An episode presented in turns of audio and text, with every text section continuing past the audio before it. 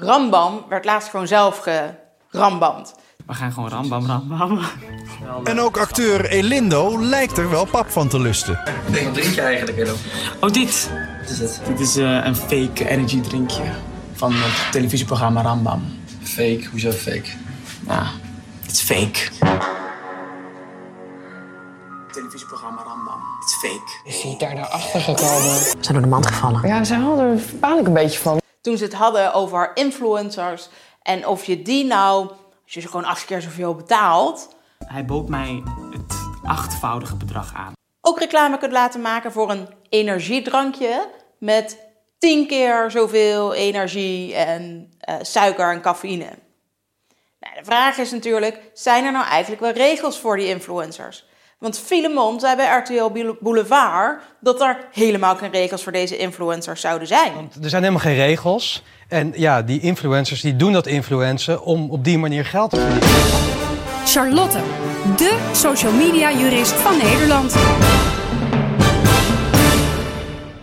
regels voor, inf- voor influencers. Of nou ja, ze willen geen influencers genoemd worden, maar je weet wel, die mensen die invloed hebben op anderen, zodat zij iets gaan kopen. Die.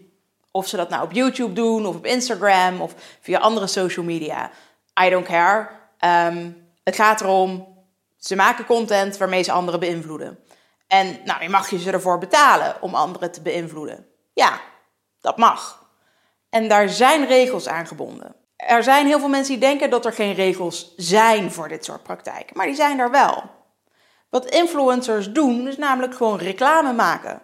Dus of het nou een advertentie is die je ziet staan in een krant of een tv-spotje, of de advertenties tussen YouTube-video's in, of dat het een influencer is of iemand anders die dus iets vertelt over een product of een dienst in de hoop dat jij dat gaat kopen, of je kinderen of eh, je familie en vrienden.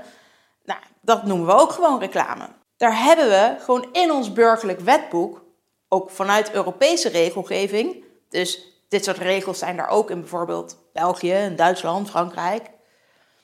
Daar hebben we gewoon regels in opgenomen over hoe we met reclame moeten omgaan. Bijvoorbeeld dat reclame als zodanig herkenbaar moet zijn. Je moet dus aan de reclameuiting zelf kunnen zien dat het reclame is, of het moet erbij vermeld worden. Zoals je in tijdschriften bijvoorbeeld wel eens advertorial erboven ziet staan. En zoals dat bij blogposts bijvoorbeeld ook wel het geval. In YouTube-video's zou je dat dan ook kunnen vermelden in beeld of nou ja, in de eh, description box eronder. Het lastige is alleen wanneer is dan voldoende duidelijk dat iets reclame is. Zeker als het gaat om een YouTube-filmpje. Ja, niet die hele YouTube-film, niet die hele video, niet een hele vlog staat in het teken van zo'n reclameuiting. Nou, dus daarom is er wel eens wat discussie over wanneer dat dan voldoende duidelijk is. Kijk, bij een Instagram-post of een Facebook-post of een Twitter-post kun je het heel gemakkelijk duidelijk maken. Je zet er een hashtag bij. Klaar is Kees. Maar een video, ja, wanneer moet je dat dan laten zien? Nou, toen is er de social code YouTube gekomen. Dan was het voldoende als je van alles in de omschrijving zou vermelden. Dan moest je het er ook in vermelden als het juist geen reclame was. Vind ik dan weer een beetje overdreven regel. Probleem is alleen, als je dat dus alleen maar in die omschrijving bij de video zet, ja, dan moet je dat wel eerst openklikken. Anders zie je het niet. Dus maak dat de video op zichzelf wel herkenbaar als reclame. In elk geval niet wanneer je die video hebt embed, want daar staat die hele description box natuurlijk niet bij. Nou, wat zijn nou de wettelijke regels? Dus dat het herkenbaar moet zijn en dat je het er anders dus bij moet vermelden. We hebben dan ook nog de reclamecode social media, die ook eens vermeldt, nou, elk voordeel of elke kans op voordeel is die je moet vermelden. Dus in dat geval moet de reclame duidelijk zijn of moet je vermelden dat je een kans op voordeel had of elk ander voordeel.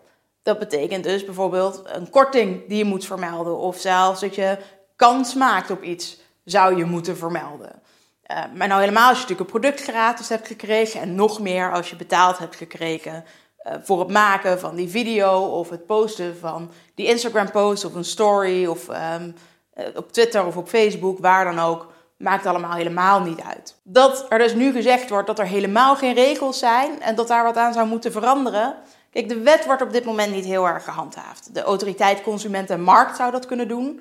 Maar zij hebben eigenlijk afspraken met de reclamecodecommissie die uh, de Nederlandse reclamecode en al die speciale versies daarvan, zoals de social media code, dat die via zelfregulering, dus door de reclamecodecommissie, gehandhaafd wordt. Het probleem daarvan is dat er altijd eerst een klacht nodig is voordat de reclamecodecommissie daar dan iets van gaat zeggen. ACM en de reclamecodecommissie die zeggen nu, luister, het werkt fantastisch. Want zo'n 96, 98 procent is compliant. Als wij een uitspraak doen als reclamecodecommissie, zijn er 96 tot 98 procent van de gevallen die zich gewoon aan de uitspraak houden. Nou, top natuurlijk, maar dat betekent niet dat 96 tot 98 procent van de reclames aan al deze regels voldoen. Laat staan dat de influencers aan zich aan al die regels houden. Werkt het? Ja, als er eenmaal klachten zijn ingediend, dan werkt het wel. Het, probleem zit dus in het stadium daarvoor en dat de reclamecodecommissie niet zelf actief kan handhaven en dat in elk geval ook niet doet. Dus ja, de regels zijn er al wel, alleen zit het probleem eigenlijk in het handhaven. Nou, dit soort regels heb ik verder nog veel uitgebreider besproken in meerdere blogposts. Heb je nou vragen over wat er wel en niet mag als jij reclame wil maken of samen wil werken met merken of met adverteerders? Laat het vooral even weten. Ik kan de contracten voor je nakijken of voor je opstellen, uiteraard. En lees vooral dus ook de blogpost voor nog meer informatie.